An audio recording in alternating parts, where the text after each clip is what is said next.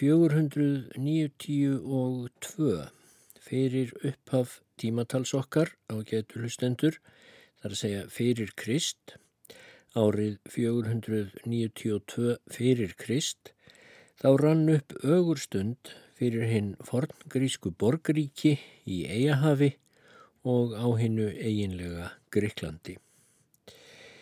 Í mörg hundruð ár höfðu þessi borgríki búið við frið, þar að segja árásir að utan voru engar eða nánast engar gerðar á þessi borgríki að þennu spörtu, kórindu, þepu, meguru, argos og ótalmörgönnur. Borgríkin höfðu slegist heimun meira innbyrðis Svo reyndar er alls ekki hægt að segja raunverulegur friður hafi ríkt á Greiklandi. En útlenskir herir höfðu sem sagt ekki tróðu þar grund nokkuð lengi. En teikn voru uppið um að það væri að breytast. Grísku borgirnar handan eigahafsins höfðu fallið í hendur útlendinga og núna þetta ár 492 þá var útlenskur herr komin yfir Hellusund og Marmarahaf frá Asíu og byrjaður að feta sig eftir eigahafströndinni í áttað grísku borgaríkjunum. Þetta var korki meirinni minna en persneskur herr. En Persia var þá lang, lang öflugasta stórveldi heimsins þótt að hefði ekki risið nema fyrir rúmlega 50 árum. Svo öflug var Persia þá að ekki allir trúðu því að hinn smáu grísku borgríki sjálfum sér sundur þykk og bárust jáfnvel á banaspjótum innbyrðis að þau myndu hafa eitthvert róð við stórveldi persa. En svo fórreindar að þegar kom til stórórustu tveimur árum setna árið 490 þar sem heitir við Marathon þá unnu gríkir frægan sigur á ofurefli persa og Darius, þáverandi persakongur, var þá brott með hersinn. En það fór ekkert milli mála að persakongur gnisti tönnum af hemdarþrá og næstu áratugina og rúmlega það voru persar höfuð óvinnir grikja og gekk á ymsu í þeirri baróttu eins og allir vita. En um 50 árum eftir fyrstu innrást Dariusar persakongs í Gríkland þá settist niður sagnamaður nokkur Herodótus að nafni. Sá maður var reyndar fættur á henni persnesku strönd eigahafsins í grísku borginni Halikarnassus sem þá var undir stjórn persa. Hann settist niður, hann Herodótus og fór að skrifa sögu hinnar löngu viðuregnar gríkja við persa. Bæði til að festa söguna á blað fyrir síðari kynnslóðir en líka til að kynna persa og umheiminn fyrir grískum lesendum sínum. Herodotus hefur annars áður komið við sögu í frjálsum höndum, svo ég ætla ekki að kynna hann í neinum smáatriðum. Bókin hans, Histórie, er mikið brautriðjanda verk í sagfræði, hvað sem hver segir um sagfræðileg vinnubráðans sem auðvitað standast ekki samanburð við vinnubráð sakfræðinga nútímans. En í þessum þætti ætla ég að glukka í frásögn Herodótusar af upphafi óvinnarins, þar að segja persaveldis. Best ég reki samt fyrst söguna sjálfur í mýflugu mynd. Hún var í örstutumáli þannig að í Mesopotamíu henni fornu, landinu milli fljóttana Tígris og Efrat sem nú heitir Írak, þar spratt upp einn fyrsta borgarmenning mannkinsins og voldu ríki, risu og negu fyrir mörg þúsund árum, Súmer, Úr og Úrúk, Akkad, Babilón, Assyria. Í fjöllunum í kringum Mesopotamíu byggu ymsar þjóðir sem gerðnan sóttu niður á sléttuna og um 700 fyrir Krist þá kom herská þjóð ofan úr írönsku hásléttunni sem er austur af Mesopotamíu. Þessi þjóð gerði sig gildandi bæði í Mesopotamíu og ekki síður í Littlu Asíu sem nú heitir Tyrkland. Þetta voru svo nefndir metar. Einn smáþjóð sem fylgdi metum nefndist persar. Þeir voru upprunnir á litlu svæði þarna í fjöllunum og árið 550 fyrir Krist eða þarum bil kom fram hjá persum metnaðargjarn kongur sem gerði uppreist gegn húsbændum sínum metum og vildi koma á fót sínu eigin persneska ríki og það gekk svona ljómandi vel. Fyrst voru metar að vellilagðir, síðan helt Kýrus í vesturátt til Littluasíu og knésetti þar frækt og auðugt ríki Krösusar konungs, Lítíu og spruttu af því ímsar sögur. Krösus var sagður auðugastur konga fornaldar og það var gott fyrir sjálfsálit bæði Kýrusar og Persa almennt að ná ríki hans að ekki sé talað um auðæfin öll. En jáfnframt hafði Kýrus fljótlega lagt undir sig heilmikil flæmi í austri og var meiri sig að komin allar leiðin í Industal, hluta Indlands.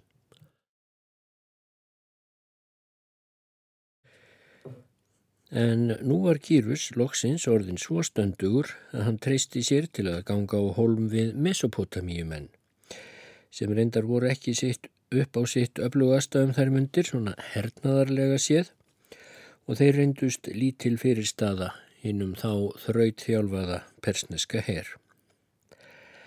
Árið 539 fyrir Krist lagði herr undir stjórn Kýrusar undir sig hinn að fornu heimsborg Babilón, eina frægustu borg fornaldar og þegar svo var komið þá lísti Kýrus því yfir að hann væri konungur í Babilón, konungur í Súmer og Akkadíu og konungur inn að fjögur að hortna heimsins. En þrátt fyrir að ráða nú öflugasta herveldi heimsins, þá réði Kýros ekki við heldur frumstæðan ættbálkin í mið-Asíu, en þangað held hann næst. Þetta voru messagetar og lutu stjórn drottningar sem óvenjulegt var í fornöld ekki síður en núadögum. Tómýris hétt svo drotning. Skemst er frá því að segja að um viðuregn Kírosar og Tómýris fjallaði ég í frjálsum höndum fyrir nokkur árum og fer ekki að rifja það allt saman upp. Nefna hvað þótt Kíros hefði ráðið niðurlögum í missa helstu stórvelda síns tíma þá réðan ekki við massagetta og dóð þar lengst inn í miðasíu árið 530. Persaveldi sem hann kom á lakirnar var hins vegar orðið svo að blugt að það livði af, dauða konungsins og eldist bara að íþrótt og fræð. Næstu persakongar luku við að leggja undir sig miðjarðarhafsbotn, alla Littlu Asíu og svo Egiptaland. Og þá var það sem Darius, þáverandi persakongur, ákvaði að leggja Gríkland undir hinn persneska mátt og held í þá herrferð sem ég sagði frá í byrjun þáttarins. En þá er komið að því að segja frá hvernig Herodótos segir söguna því þegar persar rísu fyrst upp gegn húsbændum sínum metum og stopnuðu síðan sitt eigið ríki. Herodotus segir frá því hver Kýros var upphaflega og hvað hann hafði til málan að leggja sem réði því að hann náði að byggja upp sitt mikla veldi sem Íranir eða persar nútímans líta enn á sem frummynd ríkisins. Og það er kannski dæmi gert fyrir sagnarittun Herodotusar sem þykir heldur lítríkur höfundur en ekki alltaf sem áræðanlegastur eins og ég drap á áðan að í stað þess að gera úr kýrusi höfðingja persa þá verður kýros í frásögn hans að konungsinni frá metum. Metakongur nokkur hétt Kí Axares og hafði ríkt í 40 ár og Eh, þegar hann lést, skrifar Herodotus, þá tók Axiakes, Kyriaksesar son, við eh, ríki Meta. Hann átti dóttur sem Mandana hétt. Dreymdi hann nú að hún meig svo ákaflega að ekki einasta fylltist borgin heldur öll Asía. Konungur sagði vitringum draumin en varð afar óttafullur við svör þeirra. Um þessar myndir var mandana gjafvaksta en hann gifti hana engum þeirra meta sem henni voru sambóðinir því hann óttaðist draumin þar sem hún meig svo ákaflega. Þessi stað gaf hann dóttur sína Persa að nafni Kambises eftir að hann hefði komist að því að hann var af göfugum ættum og stillingarmadur í lund þó stóðan auðvitað skör lægra en hver venjulegur meti. Og það er rétt að geta þess að þýðinguna gerði Stefán Steinsson bók uh, með þýðingu hans á höfuðuríti Herodótusar kom út fyrir nokkrum árum Þetta er afskaplega vöndu þýðing og mikill fengur aðinni. En á fyrsta sambúðar ári Kambises og Mandönu, segir enn fremur, dreymdi Astiakes annan draum. Virtist honum sem vínviður spritti nú upp af skauti dóttur sinnar og hefði þessi vínviður alla Asíu undir.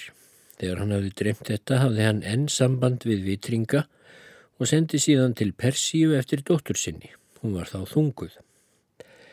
Þegar hún var komin let hann gæta hennar og vildi deyða afkvæmi hennar. Það var að því vitringar hafðu ráðið draum hans þannig að dóttursónur hans myndi ná af honum ríkinu. Það vildi Astiakes fyrir hvern mun forðast. Þegar Kýrus var svo í heiminn borin, kallaði Astiakes á Harpagus frænda sinn, hinn traustasta allra meta og ráðsmann yfir konungsgarði eins og hann lagði sig. Ávarpaði konungur hans og aðfældlega, Harpagus, sniðgaktu með engu móti það verk sem ég fæðir og svík, svíktu mig ekki fyrir aðra. Þá myndu hafa verra af þegar frálýður. Taktu nú við síni mandönu dóttur minnar þegar hann lítur ljósið og farðu með hann heim til þín. Þar áttu að drepa hann greftraðu hann síðan á þann hátt sem þú kýst.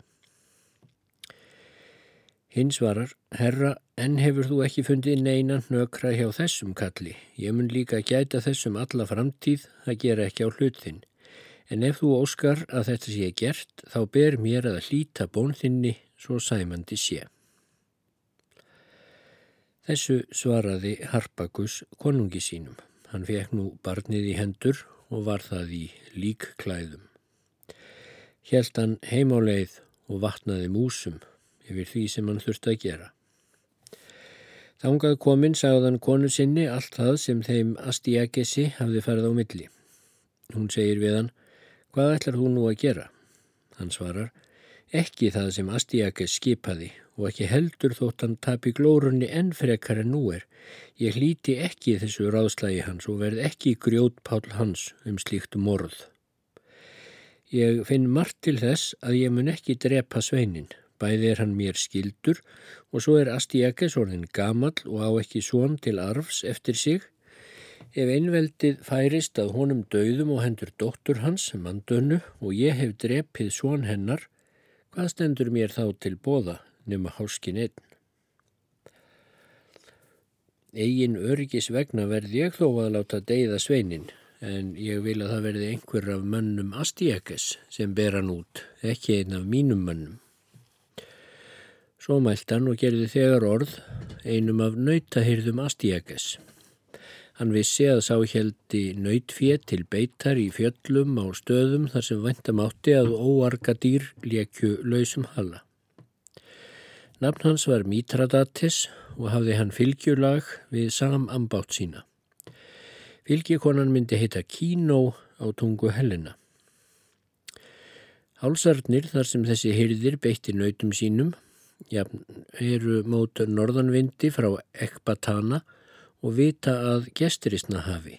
Sá hluti Metíu sem likur að Saspíralandi er mjög fjöllóttur, hálendur og skói vaksinn, annars er Metía marflött.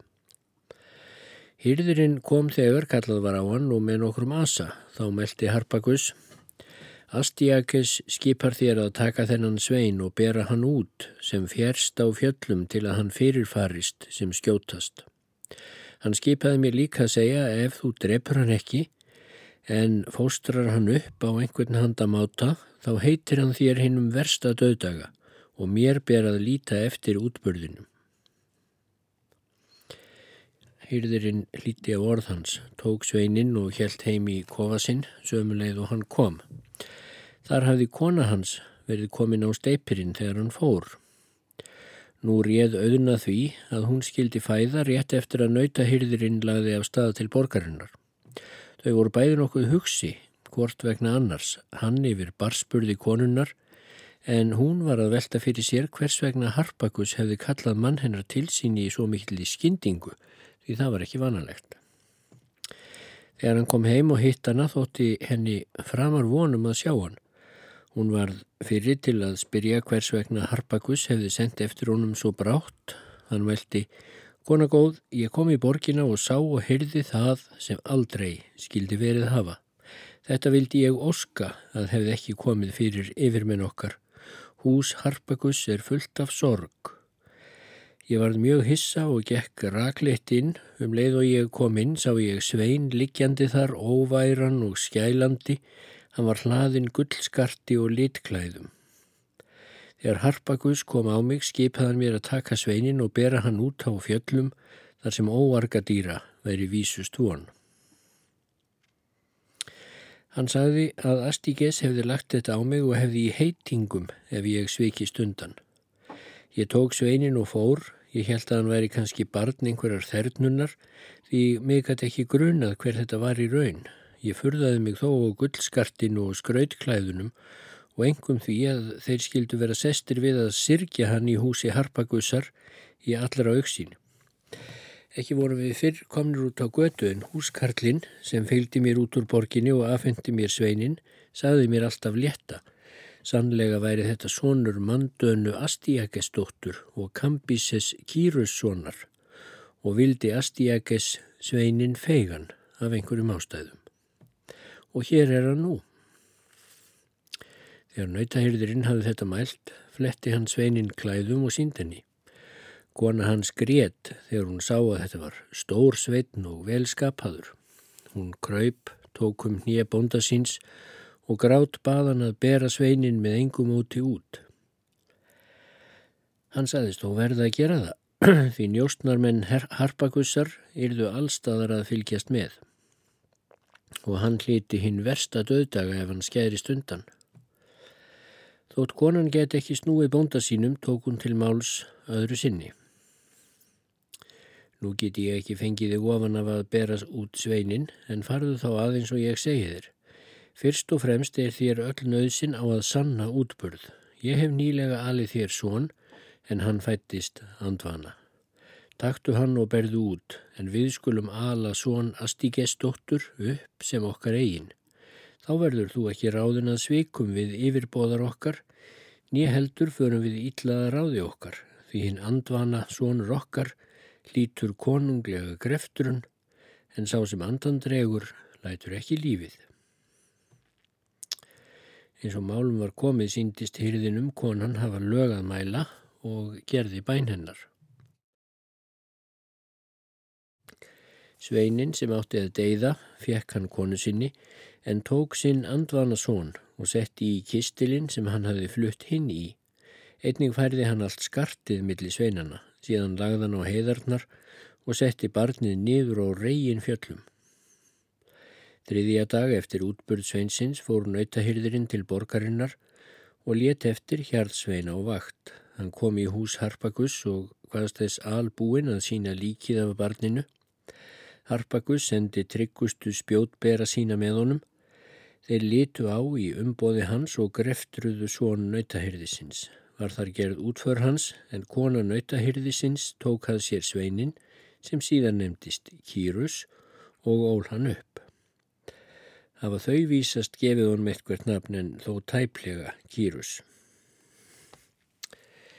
Þegar sveitnin var tíu vetra barst hróður hans út eftir atburð sem hér greinir. Einhverju sinni var hann að leik með öðrum sveinum jafnaldra í göttunni í þorpinu þar sem nauta hyrði sjónin bjöggu. Sveinarnir kusu hann sér til konungs. Hann var kallaður Sónur nautahyrðisins Hann hafði skipað nokkrum þeirra að reysa höll en aðra gerði hann að spjótbera og einn hefur hann vafa lítið útnefnt auga konungs. Öðrum veitti hann samdar ennbætti boðbera. Sveitn leik þar með sem var sonur Artembaris nokkurs, gildsmanns meðal meta. Þegar sásveitn tóku upp á að ólíðinast skipunum kýrúsar, let hann hínasveinina taka hann höndum. Að svo gerðu lekan hann hart og húðstrykti hann. Sónur Artambaris taldi ósæmilega með sig farið og varð æfur, jafn skjótt og hann var látin laus, helt hann niður í bæ til föður síns og bar sig upp undan framferði kýrúsar. Þó sagðan ekki Kýrus því enn var það nafni ekki á honum heldur sonur nautahyrðis Astíakesar. Artembaris skundaði af reyði mikilli á fund Astíakes með svonsinn. Hann lést hafa þólað mikinn vansa og mælti Herra, af hendi þrælsþýns, nautahyrðissonar, hefur okkur verið misbóðið. Síndan honum herðar stráksins. Þegar Astíakes hafði léð þessu eira og litið á, hugsaðan sér að refsa nautahyrði síninum og rétta hlut Artembaris. Því sendan eftir nautahyrðinum og síni hans. Nú bar þá báða að, að Stjakes leit á Kýrus og meldi Hví varstu svo djarfur bóndasónur að þú réðist með vanvirðu og són manns sem mér er einna kærastur hér? Hinn svaraði þá og sagði, herra, ég gerði honum þetta með réttu Hann var eitt þeirra staðarsveina sem höfðu kosið mig konung í sínum hópi því þeim virtist ég best til þess fallin. Hinnir drenginir gerðu allir eins og ég bauð en þessi skellti skollægurum við bóði mínu og hafði það engu. Hann hlauti makleg málakjöld. Sé ég vítaverður fyrir þetta þá stend ég hér. Meðan Piltur talaði flögað Astígesi að hann kannadist við hann og að svipmót hans líktist sínu fólki. Enda virtist svar hans með frjálsmannlegra móti. Auk þess síndust tími frá útburði og aldur drengsins fara saman. Hann var því agndofa og klumsa nokkra hríð en tók svo á sig rögg. Þá meldi hann til að losna við Artembaris og geta rakið gardnirnar úr nautahyrðinum undir fjögur augu. Artembaris, þessu kem ég í góð efni svo þið feðgar verðið fullsæmdir af. Síðan sendan Artembaris burt. Hyrðmenn fylgdu þá Kírosi til Sala að skipun Astjakes. Þar sem nautahyrðirinn var orðin einn eftir, spurði Astjakes hvar hann hefði fengið sveinin og hver hefði afhendunum hann. Hann hvað þetta svon sinn og byggju þau móður hans saman. Astjaka spendi á að ekki veri ráðlegt fyrir hann að ætla sér að þóla miklar pyntingar að svo mæltu baðan spjótbera að grípa hann. Í því ætluðu þeir að fara með hann til pyntinga en þá hermdi hann upp alla söguna. Hann sagði atburð allan sem sannast frá upphafi og lauk frásögninni með bæn og baðum að sér sínd miskun. Astíakas hyrti ekkert frekar um nautahyrðin þegar hann hafði kungjert til sanna í málinu, en hann varð afar reyður Harpagusi. Hann skipaði spjótberum að sækjan þegar Harpagus kom þangað, mælti Astíakas til hans, Harpagus, hvernig fegstu sveininum andlát, þeim sem ég fekk þér, dóttur síni mínum. Þar sem Harpagus sá nautahyrðin þar inni, forðaðist hann veg fölsunnar til að verði ekki léttvægur fundin.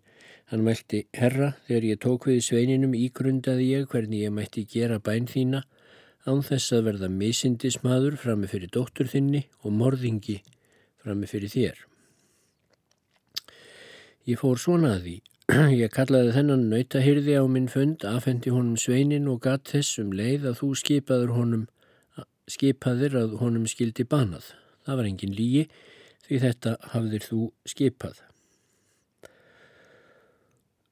Þegar Harpagus hafði sagt alla söguna, negði hann sig djúft. Astjakes komst að þeirri niðurstöðu að ólíðinni Harpagus hefði orðið til góðs. Hann bauð því Harpagusi í kvöldverð til að hylla þá gæfu. Hann hvaðst sáttur við að svona fór.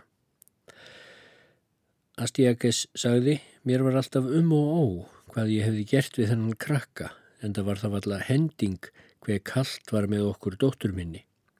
Þar sem forsjónin hefur nú tekið í taumana, sendu þá þinn eigin svon hingað til að hitta hinn nýkomna. Þegar ég síðan færi lífgjafarfórn þeim guðum sem eiga þennan sóma þá kontu hér og snættu með mér.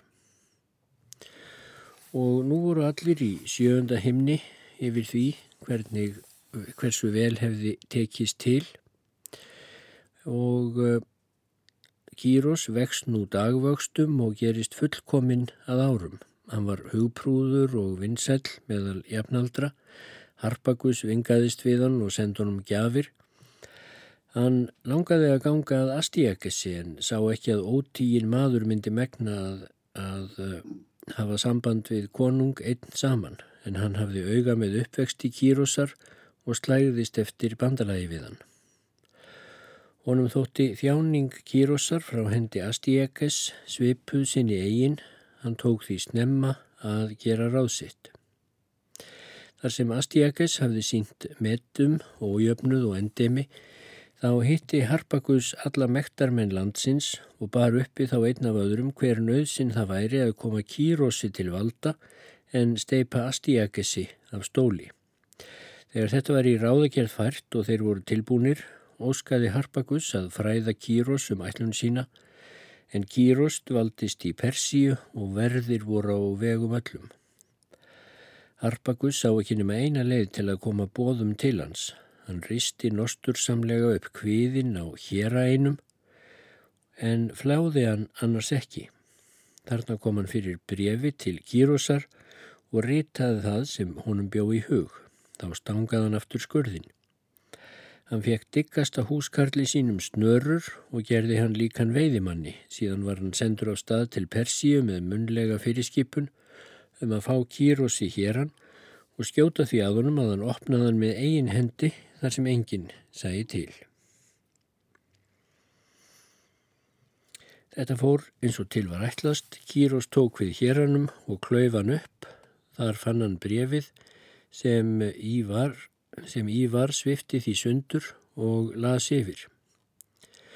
Og þar var Kýros kvattur til að gera uppreist gegn Astiakesi og eh, svo ég fara nú fljótt yfir sögu þá félst Kýros á það og Astiakesi var steift af stóli en eh, Kýros varð eftir maður hans og nú hafðu persar tekið við að metum sem aðal menn í þessu ríki. Þarna höfðu persar í rauninni steift metum af stóli þótt, uh, þótt Herodótus kjósi að gera þetta að uh, álgerðum intríkum í einni konungsfjölskyldu. En nú reysu persar til ríkis og Herodótus segir Mér er kunnugt um að persar hlíti eftir töldum síðum Þeir leggja ekki í vana sinn að smíða skurðgóð, hof eða blótstalla, heldur breyksla þeir mönnum um heimsku sem slíkt gera. Mér virðist að þeir telji Guðina öfugt við Helena ekki vera mannlegrar náttúru. Hjá þeim týðkast að ganga upp á afarhátt fjall og blóta seif en seif kalla þeir reyndar kringlu himsins. Þeir blóta sól, mána, jörð, eld, vatna og vinda. Þessi goð hafa þeir blótað frá öndverðu en einnig hefur þeim lærst að blóta hina himnesku sem þeir svo kalla. Þeir hafa numið það af Assyrjumönnum og Aröbum. Þegar persar blóta ofannemda guði er það með þessum hætti, þeir gera korki blótstalla, nekveikja eld þótt þeir higgja á blót. Ekki færa þeir heldur dreipifórn, blása í hljóðpípu, nýhafa höfuðskraut eða byggkorn. Þegar blóta á hvern guðum sig er hjörðin leitt á hreinan blett og kallað á guðin. Blótmaður er kryndur sveig af brúðarlaufi. Hann má ekki óska sjálfum sér einum velfarnaðar, heldur byður hann heitt og innilega fyrir persum öllum, að þeim megi velfarnast og ekki síst konunginum. Með því að byggja fyrir persum öllum þá telst hann sjálfur vera þar á meðal. Þegar blótdýrið hefur verið hlutað sundur lim fyrir lim er það soðið en afar mjúkum grösum sáldrað á flötina, helst smára, síðan er allt kjötið lagt þar á. Þegar því hefur verið hagrætt stendur vitringur þar hjá og hveður goðakín eða það sem sagt er vera efni kvæðisins. Án vitrings er ekki löglegt að fremja blótin. Eftir skammastund ber blótmaður kjötið burt og nýtir það eins og skinseminn býður honum.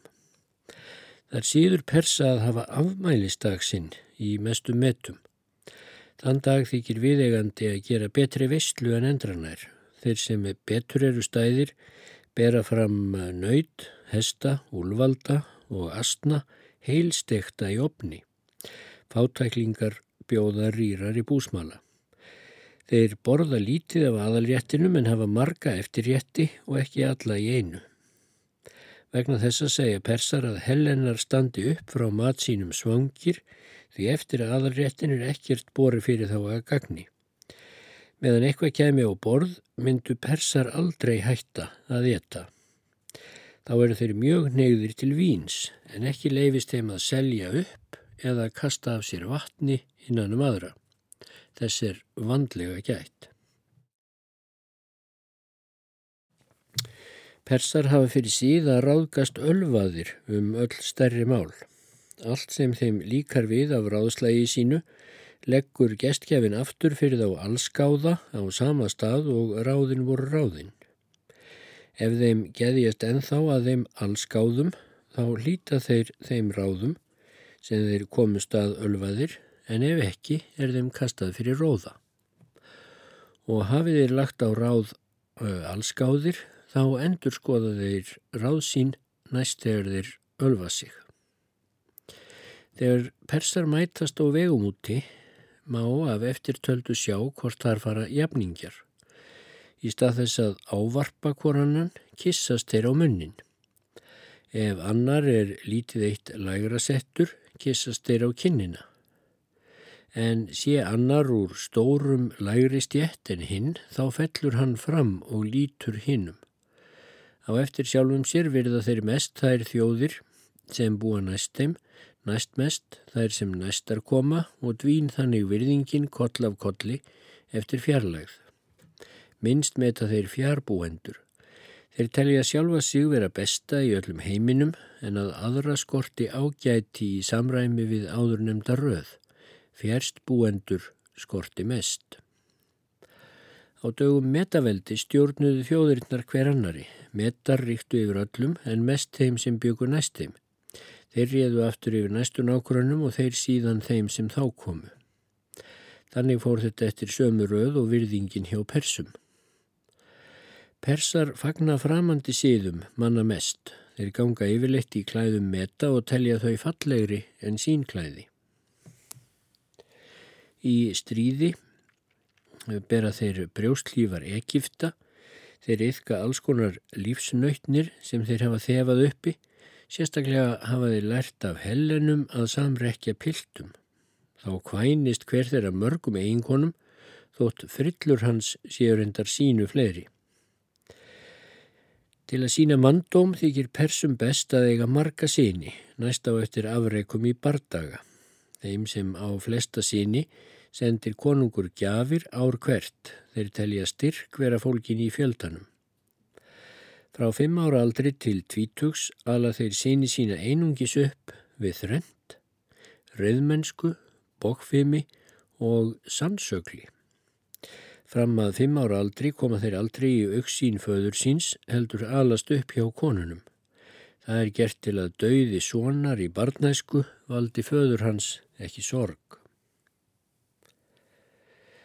Ég lofa þessi lög og ég lofa einnig þau lög að ekki leifist einu sinni sjálfum konunginum að taka nokkur mann af lífi ef hann hefur aðeins eina sög unnið.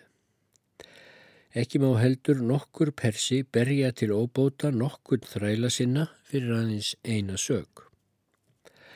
En ef uppgjör sínir að sakir þrælsins vegi meira en gangsemi hans, þá má húsbóndanum renna í skap. Þeir segja að engin maður hafi nokkuru sinni myrt föður sinni eða móður. Hafi slíkt gerst, þá hljótir hann sókna leiða í ljós að um hafi verið að ræða umskipting eða hórbarn. Þeir telja ekki sennilegt að foreldrar falli fyrir skilgetnum síni sínum.